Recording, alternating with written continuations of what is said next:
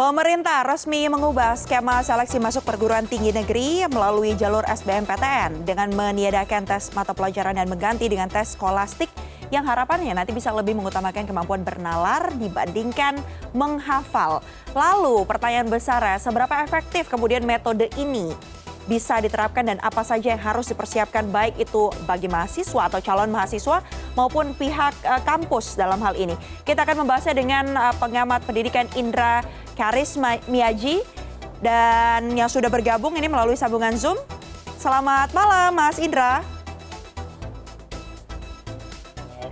Iya, semoga dalam kondisi selama semoga dalam kondisi sehat ya Mas Indra. Uh, sebelumnya perlu kami informasikan ya. juga bahwa kami sudah berupaya untuk menghubungi pihak Kemendikbud Ristek, namun mereka menyatakan bahwa belum bisa bergabung dalam dialog kali ini ya. Sayang sekali karena sebenarnya kita ingin tahu lebih detail nanti uh, skemanya seperti apa, uh, uh, alurnya seperti apa, kemudian persiapan jelang penerapannya nanti seperti apa. Tapi kita akan bahas langsung dengan Mas Indra Karismiaji. Mas Indra, ya. kalau melihat ya aturan baru uh, dari seleksi masuk uh, PTN ini ya, kita bicara soal efektivitasnya. Mas Indra, melihat efektivitas skema seleksi baru ini seperti apa, Mas? Kalau menurut saya secara jujur, ini tidak menyelesaikan masalah utama dalam dunia pendidikan tinggi kita. Mm-hmm. Masalah utama dunia pendidikan tinggi kita itu kan sekarang kan menjadi tempat menuntut ilmu, mm-hmm. tetapi malah menjadi tempat nyari stempel. Mm-hmm buktinya dengan ott yang terjadi di unila kita hmm. yakin juga sebetulnya terjadi juga di ptn yang lain. Hmm. ini kan membuktikan kalau kampus-kampus kita bukan lagi tempat menuntut ilmu tapi tempatnya di stempel hmm, dan itu yang tidak diperbaiki oleh pemerintah dalam hal ini Kemendikbud Ristek kan? Nah jadi sebetulnya apa manfaatnya untuk bangsa ini? Dengan adanya perubahan uh, sistem masuk perguruan tinggi negeri ini hmm. kami aktivis pendidikan sama sekali nggak nggak melihat ada manfaatnya justru yang kami lihat ini sekedar untuk melegitimasi program-program Kemendikbud lainnya.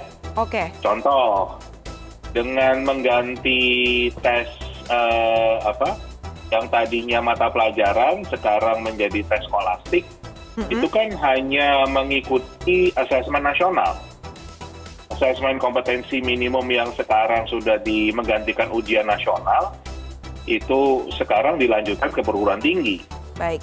Kemudian yang jalur prestasinya mm-hmm. itu hanya untuk melegitimasi eh, kurikulum merdeka mereka yang okay. sebetulnya belum menjadi kurikulum nasional, itu sudah dipaksakan untuk dilaksanakan di seluruh daerah.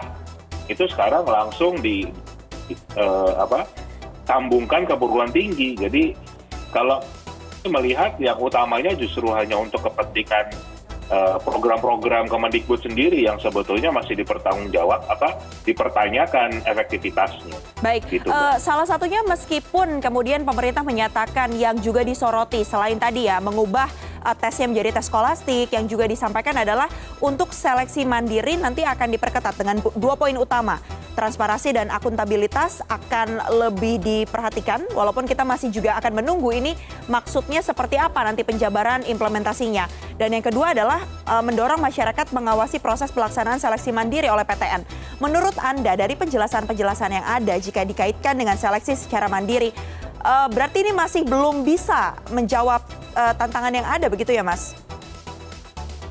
Sekarang kita simulasi aja Mbak ya. Mm -hmm. Saya nih anak mau saya masukkan ke PTN, ya kan? Ada nggak sebuah sistem yang akan menghentikan saya, si saya bawa uang sekoper 500 misalnya, ketemu rektor bilang tolong anak saya masukkan ke PTN ya. Mm -hmm.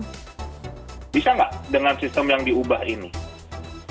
Enggak kan? Mm -hmm karena karena bukan bukan bicara whistleblowing saja kan begitu. Karena dari masyarakatnya sendiri yang justru berupaya untuk tadi mencari stempel ya kan jadi uh, istilahnya menghalalkan segala cara supaya anaknya bisa masuk PTN kalau masuknya nyogok pasti keluarnya juga nyogok kan mm-hmm. ngapain? Jadi kan tidak tidak mencerdaskan kehidupan bangsa. Jadi sistem yang diubah ini, yang seolah-olah uh, diubah ini tidak berujung ke mencerdaskan kehidupan bangsa. Padahal amanat konstitusinya jelas, clear. Apa pun yang dilakukan oleh pemerintah harus bermuara pada bangsa yang cerdas. Mm -hmm. Kalau anak masih bisa nyogok, ya kan, dengan sistem ini, ya berarti nggak mencerdaskan dong. Oke. Okay. Uh, kita... Jalur jalur mandiri juga apa jalur uh, prestasi misalnya. Mm-hmm. Bisa nggak gurunya dikasih duit 10 juta per mata pelajaran nilainya suruh kasih 10 misalnya. Jadi kan tidak tidak memperbaiki masalah utama, bukan solusi untuk masalah utama pendidikan Indonesia. Oke, uh, kita bahas lagi tentang masalah utama pendidikan, terutama seleksi masuk PTN. Selain tadi transparansi, Kemudian ada juga potensi-potensi suap di sana yang sudah uh, mungkin terungkap di beberapa daerah. Apalagi sih Mas sebenarnya yang urgent dan mendesak untuk bisa kemudian diatasi kalau kita bicara masalahnya? Jadi sebetulnya kalau mau jujur hmm. permasalahan pendidikan Indonesia tuh ruwet banget. Dan dan itu tidak bisa pembenahannya dimulai dari pendidikan tinggi. Oke. Okay. Justru pembenahannya harus dimulai dari pendidikan dasar jadi jadi ini kita harus harus melihatnya secara holistik. Harus secara makro. Indonesia secara utuh ya kan? Sebetulnya di mana sih posisi kita? Orang dari tes-tes yang ada kajian PISA misalnya membaca saja kita nggak mampu. Bank Dunia mengatakan kemampuan membaca kita itu di level functionally illiterate alias buta huruf secara fungsi. Orang Indonesia itu bisa baca bunyi, tapi nggak paham apa yang dibaca. Mm-hmm. Nah ini kita ngapain ngomong pendidikan tinggi? Yang pendidikan dasarnya aja sangat lemah, artinya kan mahasiswa kita pun nggak mampu membaca. Dengan kata lain, tidak mampu belajar ya kan? Okay. Ini permasalahan utama kita, mutu pendidikan kita, sistem pendidikan kita yang bobrok, yang rusak kan begitu. Ya. Itu harus dibenahi secara menyeluruh secara menyeluruh mulai dari uh, pendidikan dasar menjadi sorotan, bukan dimulai dari pendidikan tinggi. Tapi kita berfokus, Mas Indra, lagi-lagi terkait dengan tema hari ini skema baru seleksi masuk perguruan tinggi. Mau tidak mau, ini sudah diputuskan oleh pemerintah. Ada tiga poin utama yeah. yang tadi sempat disebutkan. Kalau melihat kondisi seperti ini, apa kemudian hal-hal yang harus diantisipasi? Karena mau tidak mau akan diterapkan begitu baik itu dari sisi uh, mahasiswa atau calon mahasiswa baru dan juga dari sisi perguruan tinggi terkait dengan persiapan-persiapan menuju implementasi dari skema baru seleksi masuk PTN ini. Yang tadi saya sampaikan, Mbak, pada dasarnya ini nggak akan merubah apa-apa. Gitu. Jadi yang mau nyogok akan tetap bisa nyogok, ya kan? yang mau menggunakan jalur misalnya rajin belajar benar ya bisa melakukan hal tersebut walaupun jumlahnya akan sedikit. Jadi jadi ya sebetulnya ini business as usual, mm-hmm. nggak ada sebuah transformasi besar yang dilakukan oleh pemerintah gitu. Jadi jadi betul-betul eh, apa ya istilahnya kalau misalnya pemerintah itu melakukan kalau kita bicara pendidikan tinggi ya bicara sudah ada mapping SDM. Mm-hmm.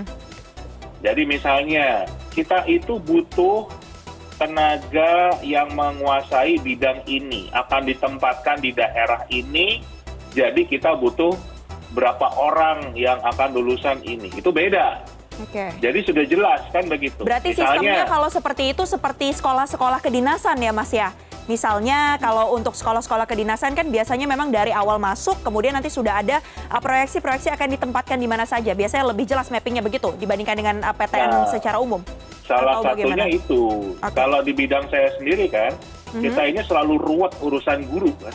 Mm-hmm. Sampai hari ini guru honorer itu nggak selesai-selesai urusannya. Kenapa? Karena nggak pernah ada mappingnya kan gitu. Mm-hmm. Kita setiap kampus, hampir sekarang setiap kampus punya fakultas keguruan tetapi nggak jelas penempatannya di mana kan begitu. Hmm. Ini urusan P3 saja nggak beres-beres. Jadi masih banyak bidang-bidang lain yang Indonesia itu butuh ahli-ahli. Contoh, kita nggak punya ahli geotermal, kita nggak punya ahli uh, biologi maritim misalnya. Itu hal-hal yang kita nggak punya. Tapi coba kita lihat, ada nggak kampus Indonesia yang punya program itu? Nah, kalau nggak punya, terus kapan mau mengembangkannya? Itu adalah kekayaan alam kita, kan begitu. Baik, uh, tapi kalau kita bedah lagi nih Mas ya, bagaimana kemudian nanti seleksi ini akan dilakukan? Kita kembali fokus pada skema baru yang um, akan diterapkan, akan dijalankan. Uh, dengan adanya pengukuran melalui tes uh, skolastik begitu potensi kognitif, penalaran matematika, literasi dalam bahasa Indonesia dan literasi dalam bahasa Inggris. Kalau kita bandingkan dengan sistem sebelumnya, perbedaan signifikan adakah di sana Mas dan dampaknya apa bagi mungkin mahasiswa? Atau justru sama saja seperti yang berkali-kali tadi Mas Indra sebutkan? Nggak akan ada bedanya. Dan yang tes skolastik ini, itu kan sebetulnya tujuannya bukan untuk perankingan tes model skolastik seperti tes PISA ini itu kalau saya menganalogikan itu kayak uh, apa cek laboratorium kesehatan mbak mm-hmm. kayak cek darah jadi kemampuan literasi kita itu uh, seberapa tinggi sih level berapa sih kemampuan numerasi kita di level berapa sih dan itu nggak bisa di ranking masa kita bisa ngeranking uh, apa nilai kolesterol kita, nilai gula darah kita. Jadi tujuannya sudah agak berbeda nih.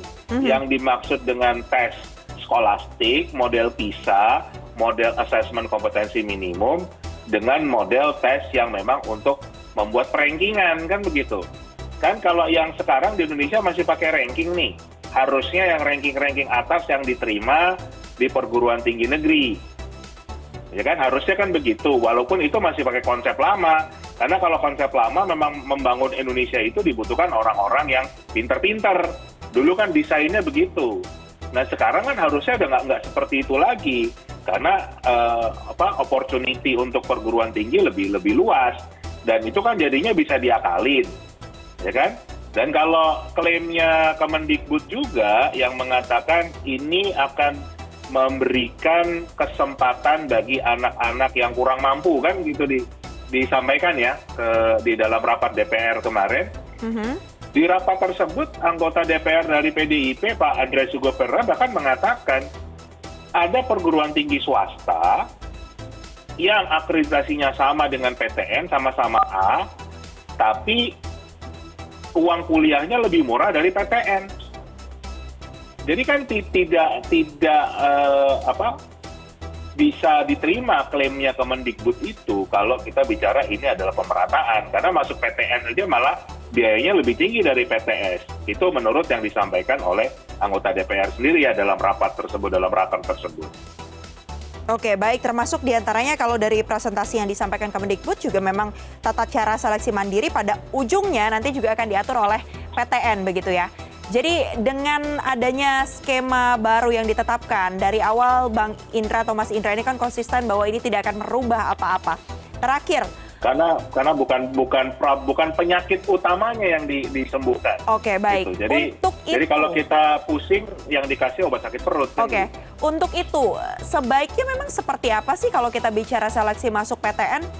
yang konsep yang sebaiknya memang kita uh, tawarkan atau ditawarkan oleh Kementerian Pendidikan dan Kebudayaan, Riset dan Teknologi?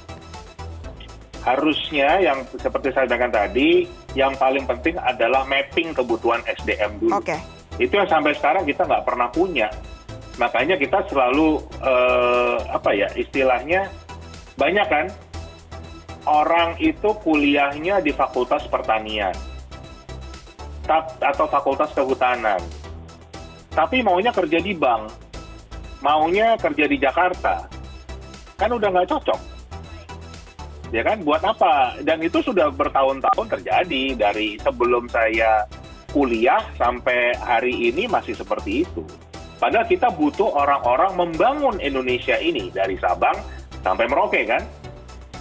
Nah itu yang harus kita siapkan SDM-nya hmm Nah, SDM itu mulainya apa uh, yang siap kerja tentunya dari perguruan tinggi kan begitu. Nah, selama belum ada mappingnya ya kan muter-muter begini, yang yang justru paling ditakutkan adalah hanya bicara komersialisasi pendidikan. Mhm. Yang dicari adalah bagaimana supaya masyarakat itu mengeluarkan uang untuk membayar kuliah, tetapi membangun SDM-nya nggak disiapkan. Baik. Dan itu yang nggak pernah disampaikan kan oleh Kemendikbud. Sebetulnya desainnya mau seperti apa? Mhm. Kita butuh seperti apa kan begitu? Tenaga kerjanya berapa di daerah mana? Kualifikasinya apa? Itu yang kita nggak punya. Itu Baik. dulu mulai dari sana. Ya, karena kalau bicara pendidikan diharapkan tidak hanya pendidikan yang menyeluruh, tapi juga nantinya bisa uh, outputnya bisa bermanfaat ya, baik itu bagi dirinya sendiri maupun bagi masyarakat luas, termasuk pemerintah atau kondisi yang ada di Indonesia ya, pendidikan di Indonesia. Betul Terima sekali. kasih banyak uh, kepada Mas Indra Karismiaji yang merupakan pengamat pendidikan sudah bergabung. Tadi kita sudah membahas skema baru seleksi masuk PTN malam ini di CNN Indonesia Connected. Sehat selalu Mas Indra. Sama-sama Mbak.